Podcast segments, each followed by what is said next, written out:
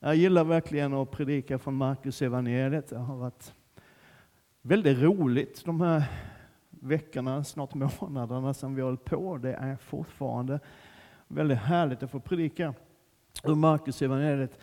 Just därför tycker jag att det är så våldsamt fokuserat på Jesus Kristus. Amen. Jag har ibland fått eh, frågor genom åren, jag har hållit på några år som predikant, ibland fått frågor, liksom, varför predikar du inte mer om det där, eller mer om det där, eller mer om det där? Och, så där. Men vet du, jag tror att någonting händer när vi predikar Jesus. Amen. Det är ju liksom det som det handlar om. Allting annat är egentligen perifera saker. Allt handlar om Jesus. Amen. Jag har en god vän, en evangelist. En del av er känner honom, Kristoffer Alarm. Han reser över hela världen och predikar evangelium och ser tusentals människor komma till tro och ser väldigt många människor som blir helade och befriade. Han brukar säga ibland så här, att jag predikar inte helande. Jag predikar Jesus så blir människor helade. Ja? Han säger, predikar sällan om, om anduppfyllelse och andeutgjutelse. Vi predikar Jesus så faller anden. Visst är det bra? Amen. Så nu ska vi predika om Jesus. I kapitel 12 i Markus evangeliet. Vi har ju liksom redan konstaterat att, att Markus han har en speciell stil när han skriver. Det är action hela vägen. Det händer någonting hela tiden och Markus håller ett ganska högt tempo. Jag tror att vi har nämnt redan vid något tillfälle att, att, att Markus använder ord som vi sedan översätter med sedan och strax därefter och genast 42 gånger i sina 16 kapitel som han har skrivit. Det är lite grann som de, de, de här grejerna som man, man liksom fick synpunkter på när man skrev uppsatser i svenska i, på högstadiet. Ja, du ska inte använda sedan hela tiden. Ja, sen så hände det, sen så gick vi dit och sen så sa han och sen så... Men Markus gör det. Han kommer undan med det. Vad sa du? Nej, det är dålig svenska, men, men bra är det ändå. Va? Och det är liksom inga långa resonemang.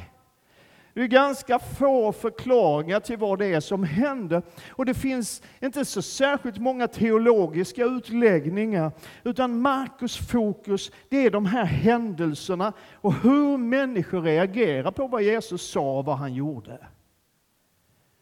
Han berättar helt enkelt vad som har hänt och han gör det i korta notiser. Det är lite grann som den här sidospalten som brukar finnas i varje lokal tidning på sådana här små orter som ja, Enköping. Så här liksom. Detta har hänt. Du vet, du har sett den, så här små sådana här. Så, de senaste 24 timmarna, medan du sov. De här spalterna. Liksom. Och kapitel 12 i Markus som vi har kommit till nu, det är liksom ett typexempel på detta. Det är sju korta berättelser.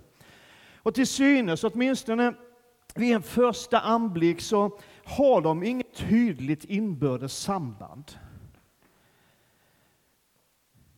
Men vi ska upptäcka någonting, tror jag, idag. Oftast under den här predikosen, de flesta som har predikat under den här tiden vi har hållit på med Markus, så har man valt ett avsnitt i varje kapitel för att det liksom ska bli hanterbart. Idag blir det två avsnitt. Förhoppningsvis fortfarande hanterbart, men det får vi se när vi kommer ut på andra sidan den här gudstjänsten. Men vi ska faktiskt göra en snabb överblick över det här kapitlet för att få tag på det som händer. Det börjar med att Jesus berättar en liknelse. Och det gör han av en anledning. Va? Du som var med förra söndagen, du vet att, att i kapitel 11 så berättas det bland annat om, som Evelina predikade om, har du inte hört den predikan så lyssna på den för det var superbra. Jesus har rensat i templet. Och så har han undervisat. Och han har nyss i slutet på kapitel 11, jag tror inte vi läste det förra söndagen, men i slutet på kapitel 11 så får Jesus en fråga från översteprästerna, de religiösa eh, ledarna, den religiösa eliten. Liksom, vem har gett dig fullmakt att göra det här och säga det här och hålla på på det här sättet? Och då berättar Jesus, istället för att bara svara på frågan, som Jesus ofta gör, så berättar han en liknelse istället. Och den här liknelsen handlar om en man som anlägger en vingård. Han gör den färdig, han sätter upp staket, han fixar och donar och håller på. Och han gör den helt färdig och helt perfekt. Och sen när det är färdigt så överlåter han åt några andra att bruka vingården och vårda den och, och liksom ta hand om den. Och så småningom så sänder han som äger den och har gjort den, han sänder en av sina medarbetare för att få ta del av skörden och så här. Men de här vingårdsarbetarna, de som har tagit hand om vingården, blir irriterade, de misshandlar den här killen och skickar iväg honom. Och ägaren skickar nya medarbetare, en efter en, efter en, efter en. Och allihopa blir de slagna och till och med dödade. Och till slut så har ägaren liksom inga medarbetare kvar, han har en son. Så han skickar sin son. Men också han blir dödad. Och den här liknelsen handlar ju förstås om hur Gud skapade världen och gav den i människans vård, hur han sände sina profeter till människorna, men hur budskapet inte togs emot. Och till slut så sände Gud sin egen son. Och så är det här en förutsägelse om det som ligger framför för Jesus. Men också liksom en skarp kritik till ett religiöst ledarskap som inte har fattat vad Gud vill och vad Guds budskap handlar om och vad livet med Gud handlar om. Vet när Jesus i Matteus evangeliet gråter över Jerusalem så säger han Jerusalem, Jerusalem, du som mördar profeterna och stenar dem som är sända till dig. Det är liksom den inledningen på det här kapitlet. Väldigt uppmuntrande och härligt. Eller? Sen kommer ett par märkliga avsnitt. Först ett där fariseerna och de skriftlärda försöker sätta dit Jesus. Har du varit med om det någon gång förut? Har du sett det någon gång i någon text förut? Att fariseerna och de skriftlärda ställer, ställer liksom jobbiga frågor för att försöka sätta dit Jesus. Och det gör de i det här fallet. Den här gången är det en fråga om ifall man ska betala skatt till staten eller kejsaren eller inte. Och sådär, till den romerska staten. Och sen kommer en ännu konstigare grej. Saduséerna vill uppenbarligen, som jag fattade håna Jesus med sin fråga. För Saduséerna trodde inte på någon uppståndelse, de trodde inte på evigt liv. Deras tro och uppfattning var att människan är till för att behaga och förnöja Gud, och när Gud liksom tröttnar på människan så tar han bort dem och sen är det slut. Ungefär så, lite förenklat uttryckt. men lite så. Ändå, trots att de inte själva överhuvudtaget tror på uppståndelse och evigt liv, så ställer de en fråga till Jesus om en kvinna som är gift med en av sju bröder. Och så dör mannen. Och som lagen föreskrev så blev det då nästa broders ansvar att gifta sig med henne. Och ibland kan man känna att det är väl underbart att vi inte lever i det gamla förbundet. Men i alla fall. Va? Då dör han också, den nya mannen, den nya brodern. Och då är det dags för den tredje. Är ni med? Det här är jättespännande. Och det här fortsätter, och någonstans, jag vet inte hur det är med det, men någonstans är det där vid den fjärde eller femte brodern som dör så kan man ju börja undra om den där kvinnan har någonting med det här att göra. Eller hur? Morden i Midsommar. Men när hon själv så småningom dör så har hon varit gift med alla de här sju bröderna. Och saduceernas fråga handlar om vem av dem hon kommer att vara gift med i himlen. Som de inte trodde på. Det är ju en jätteviktig fråga, eller hur? Jag tror Jesus reagerar ungefär så också. Mm, bra fråga. Hörni, nu går vi vidare. Eh, och sen så kommer då äntligen någon, faktiskt en skriftlärd, och ställer en ärlig, en seriös och vettig fråga om vad som är viktigast. Och det är ett av de avsnitten vi ska komma tillbaka till om en liten, liten stund. Sen ger Jesus en kort undervisning, eller egentligen ställer lite frågor till folk. Vem son Messias egentligen är. Är han Davids son? Och om det är så, varför kallar då David honom för en herre? Och sådär. Eller är han Guds son? Ja. Där ska vi inte stanna idag, det tar vi en annan gång. Det sjätte avsnittet handlar om att Jesus varnar för de skriftlärda, som mer än någonting annat prioriterar att stå högt i anseende hos andra människor och skaffa sig själv egna fördelar i livet. Och så avslutas hela det här kapitlet med en berättelse om en änka som kommer med sin mänskligt sett ganska obetydliga gåva och lägger i offerkistan i templet. Och den berättelsen ska vi också stanna för om en liten stund. Men vi går tillbaka till den här texten om den skriftlärde som var i det fjärde avsnittet. Det börjar den 28 versen i Markus 12. Är du med? Är du här? Är du laddad? Vad härligt. En av de skriftlärda som hade hört dem diskutera insåg att Jesus hade gett dem ett bra svar. Han kom fram och frågade honom, vilket är det främsta av alla buden? Jesus svarade, det främsta är detta, hör Israel, Herren vår Gud, Herren är en. Och du ska älska Herren din Gud av hela ditt hjärta, och hela din själ, av hela ditt förstånd, av hela din kraft. Sen kommer detta, du ska älska din nästa som dig själv. Inget annat bud är större än dessa. Den skriftlärde sa, du har rätt mästare. Det är sant som du säger. Han är en och det finns, inget annat, finns ingen annan än han. Och att älska honom av hela sitt hjärta och hela sitt förnuft och hela sin kraft och älska sin nästa som sig själv, det är mer än alla brännoffer och andra offer. När Jesus hörde att mannen hade svarat klokt sa han till honom du är inte långt från Guds rike. Och sen vågade ingen fråga honom något mer. Amen. Den här mannen vet antagligen inte, har inte, antagligen inte förstått vem Jesus är. Han är ju själv en skriftlärd, en lärare. Kanske har han själv lärjungar, precis som Jesus hade lärjungar, eh, som följde honom.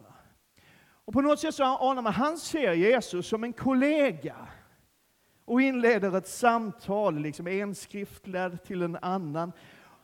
Och det står i texten att han gillar hur Jesus har svarat och han vill visa sin uppskattning. Liksom, Bra jobbat Jesus! Det där var coolt. Men jag har en fråga nu, oss skriftlärda emellan. Så här. Vilket anser du var det viktigaste budet? Och det finns ju flera sammanhang i evangelierna där Jesus får den och liknande frågor. Men när Jesus svarar så säger han ju att ja, men det viktigaste budet är egentligen två. Är du med? Att älska Gud med allt vad du är och allt vad du har. Och att älska människor. Och Jesus använder i texten som vi läste orden främst. Ja, främst är det det här budet och, och sedan kommer det här. Men har jag läst mig till, min grekisk kunskap är inte tillräckligt stor för att jag ska kunna påstå det här i egen kraft, men har jag läst mig till. Han använder inte de här orden främst och sedan i någon sorts rangordnande betydelse. Det är liksom inte, ja på första plats kommer det här och på andra plats kommer det här. Utan det är mer det ena och det andra än det första och det andra. Hänger du med? Och så säger han att sammanfatta och säger inget annat bud är större än de här två. Och så väver han ihop det.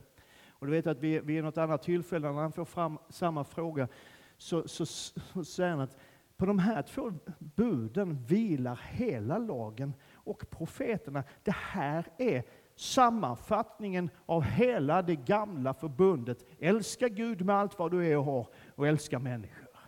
That's it. Och den, den här skriftlärde mannen, han fortsätter liksom att ge Jesus creds, så det blir nästan lite roligt. Den skriftlärde sa, du har rätt mästare.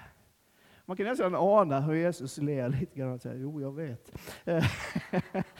Det är sant som du säger. Han är en och det finns ingen annan än han. Och att älska honom av hela sitt hjärta, av hela sitt förnuft, av hela sin kraft och att älska sin nästa som sig själv, det är mer än alla brännoffer och andra offer. Och då säger Jesus till honom, du är inte långt från Guds rike. Du har fattat grejen. Du har hittat det som är väsentligt. Liksom, till skillnad från dina kompisar, de andra skriftlärda fariséerna som bara fokuserar på lagar och regler och yttre beteende. Och till skillnad från dina politiska motståndare saduséerna, som mest hånar och gör sig roliga. Du har ju hittat grejen. Det handlar om att älska Gud och att älska människor. Du är inte långt från Guds rike. Och jag tror att de flesta av oss vet att evangelium betyder goda nyheter. Hur många vet det? I stort sett alla. Härligt. Och nu vet ju alla det, för nu har jag ju sagt det, så nu, nu vet alla det. Och grejen är att det här är ju verkligen goda nyheter, eller hur? Du är inte långt från Guds rike. Och det är inte bara egentligen till den här mannen som Jesus säger det, det är själva kärnan i evangeliet. Du är inte långt ifrån Guds rike. Ja, det var ju härligt. När, när Paulus predikade i Aten så sa han så här, att han, Gud, är inte långt borta från någon enda av oss. För i honom är det som vi lever och rör oss och är till. Jag säger ganska ofta att Gud är aldrig längre bort än en enda bön och det är sant.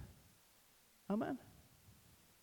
Jakob skriver i sitt brev, närma er Gud så ska han närma sig er.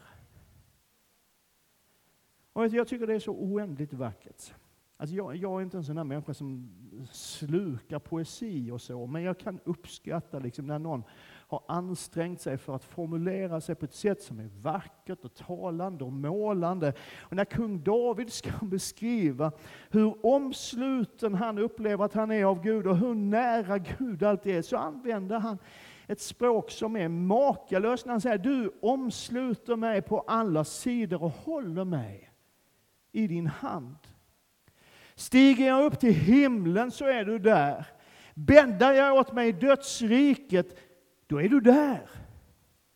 Tar jag morgonrodnadens vingar, gör jag mig en boning ytterst i havet, så också där din hand leda mig och din högra hand hålla mig.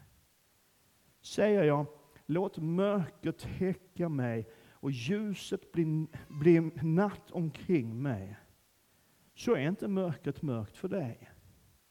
Natten lyser som dagen och mörkret är som ljuset. Du är inte långt från Guds rike. Det är sannerligen goda nyheter. Och jag vill säga, jag har upplevt det i min förberedelse, jag ska säga det här, kanske till någon speciellt idag. Att du är inte långt från Guds rike. Gud är inte långt borta från dig. Han är aldrig längre bort än en enda bön. Det är honom som du lever och rör dig och är till. Du är inte långt borta från Gud. Men här finns en liten, liten hake, eller en rätt stor hake. Att inte vara långt borta från någonting. Häng med nu. Att inte vara långt borta från någonting betyder ju trots allt att det är en liten bit kvar. Eller hur? Jag vet när barnen frågar, nej, mina barn är stora, de frågar inget sånt, men du vet när man är ute och åker bil, så är vi framme snart? Ja, men vi är nästan framme. Men nästan framme betyder ju att man inte riktigt är framme. Eller hur? Jag står ganska nära Eilert nu. Men inte riktigt så nära så att jag kan röra vid honom. Är du med? Jag står nära, men jag är inte riktigt där. Och Det är det Jesus säger till den här mannen. Du är så nära, men du har inte nått riktigt ända fram. Då kan man ju fundera på vad är det som behövs för att den som är nära ska nå hela vägen fram. Vad är det som behövs? Och vet du, jag tror att det finns en hint i den här texten som vi läste. Därför det står, när Jesus hörde att han, mannen, den skriftlärde, hade svarat klokt, så sa han till honom, du är inte långt ifrån Guds rike. Han har svarat klokt. Andra översättningar säger att han hade svarat förståndigt. Hur var det vi skulle älska Gud? Du ska älska Herren din Gud av hela ditt hjärta, av hela din själ, av hela ditt förstånd och av hela din kraft. Förståndet är en del av det där. Eller hur? Och utifrån det har den här mannen svarat. Men frågan är om kunskapen, det han vet och har förstått, om det har fått landa i hans hjärta, i hans inre. Citera citerar för några månader sedan, jag tror det var en påskgudstjänst för, för några månader sedan, som jag citerade, en av mina favoriter, teologen, pastorn, författaren Tim Keller, när han säger, det är ju en sak att tro att Gud älskar dig, men det är en annan sak att faktiskt känna hans kärlek. Det är en sak att tro, eller till och med veta och förstå att han är närvarande hos dig. Det är en annan sak att faktiskt uppleva hans närvaro.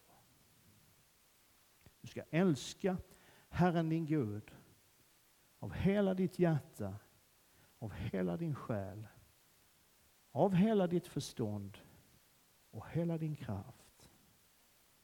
Ska vi gå till den sista berättelsen i det här kapitlet. Den som handlar om änkan som ger sin lilla gåva i templets offerkista. Och jag sa i inledningen av predikan att de här sju korta notiserna när man ser på dem först så kanske de inte riktigt verkar hänga samman. De känns lite som lösryckta och fristående berättelser. Men ju mer jag har läst det här kapitlet under de, den här senaste veckan i mina förberedelser, så har jag börjat se och ana att den här sista lilla storyn på många sätt binder samman hela kapitlet och på något sätt blir till kapitlets huvudbudskap som de andra berättelserna leder fram till. Du vet, det här kapitlet det beskriver ju vardagen så som den ungefär brukade vara för Jesus. Eller hur? Det är en massa folk hela tiden. Han blir attackerad av fariseerna och de religiösa ledarna. Det är inget ovanligt.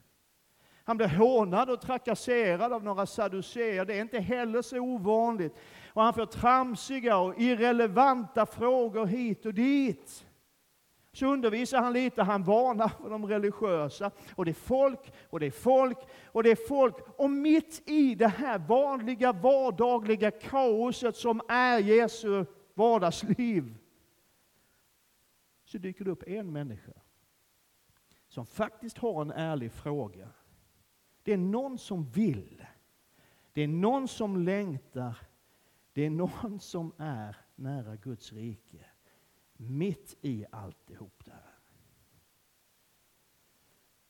Och det är som om den här sista berättelsen om de sju, faktiskt mitt i det här kaoset, lyfter fram vad allt som Jesus undervisar, allt vad Jesus gör, egentligen går ut på. Jesus satte sig mittemot offerkistan och såg hur folket la pengar i den. Många rika gav mycket. Där kom också en fattig änka och la i två små koppar mynt, ett par öre. Då kallade han till sig sina lärjungar och sa till dem, jag säger sanningen. Den här fattiga änkan gav mer än alla de som la något i offerkistan. Alla andra gav av sitt överflöd, men hon gav i sin fattigdom allt som hon hade att leva på. Amen. De flesta predikningar jag har hört, och antagligen de flesta som jag själv har hållit över den här texten, har handlat om givande och pengar. Och att det liksom inte är storleken på ditt givande som är viktigt, utan vad som är motivet bakom. Du har hört sådana predikningar, en del har gjort det.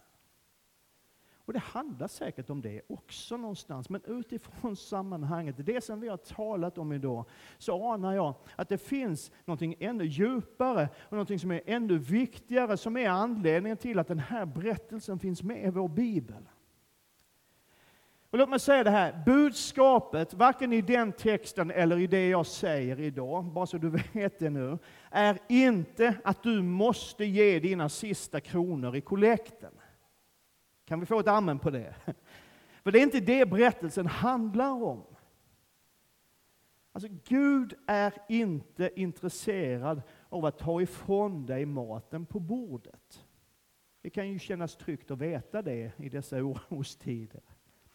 Men grejen är att den här kvinnan, hon är ju liksom raka motsatsen till de religiösa ledarna som Jesus varnade för.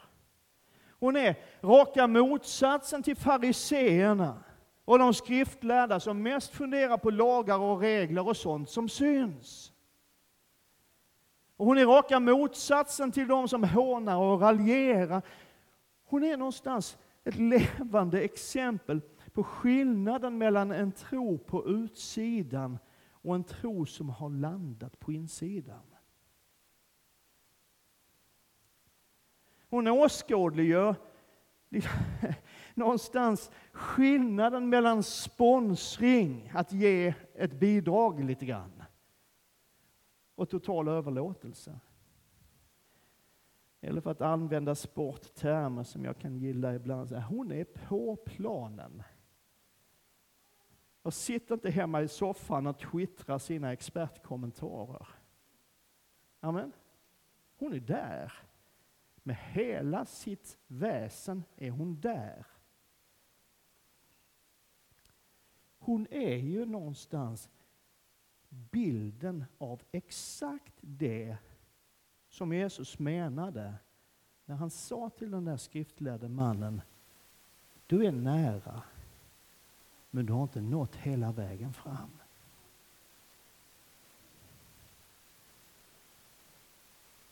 För det är ju inte för att liksom uppfylla lagar och regler som hon ger det hon har. Det är inte för att hon förståndsmässigt vet att hon borde göra det, utan hon ger därför att hon älskar. Av hela hjärtat, hela sin själ, med allt sitt förstånd och med all sin kraft älskar hon. Och hon har fattat att om man älskar Gud på det sättet, med allt vad man är och allt vad man har, då älskar man också människor. Så hon ger det hon har. Hon sätter inte sig själv i första rummet, utan tänker någonstans att det jag ger kanske kan hjälpa någon annan. Och jag tänker så här, hon är liksom en levande bild på en polett som har fallit ner. På någon som har fattat grejen. På någon som inte har långt kvar till Guds rike för hon är redan där. Det hon har förstått har landat i hennes hjärta. Och hon ger sig själv med allt vad hon har och allt vad hon är åt en Gud som hon älskar. Om man reser med tunnelbanan i London eller i en massa andra städer också för den delen, så möts man av det här budskapet. Har du sett det? Mind the gap. Tänk på avståndet. Och det är ju till för, liksom avsett att hjälpa dig att inte bryta benen av dig när du kliver av eller på den här vagnen på tåget, eller hur? Men det finns ett annat gap, ett annat avstånd som jag tror är ännu viktigare att se och göra någonting åt. Och ibland, jag har sett i mitt eget liv, så finns det ett avstånd mellan det jag vet, mellan det jag har förstått och det jag gör. Det finns ibland, tror jag, ett avstånd mellan vår kunskap och vad vi låter den kunskapen göra med oss. Vad vi tillåter den kunskapen att leda till i våra liv. Och kanske är det så för en del av oss idag att vi skulle behöva ta det där steget från att vara väldigt nära till att faktiskt nå hela vägen fram.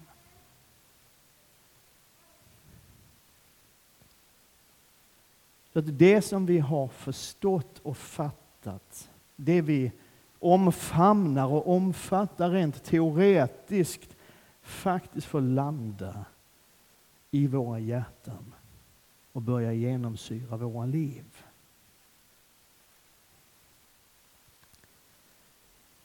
Du är inte långt från Guds rike.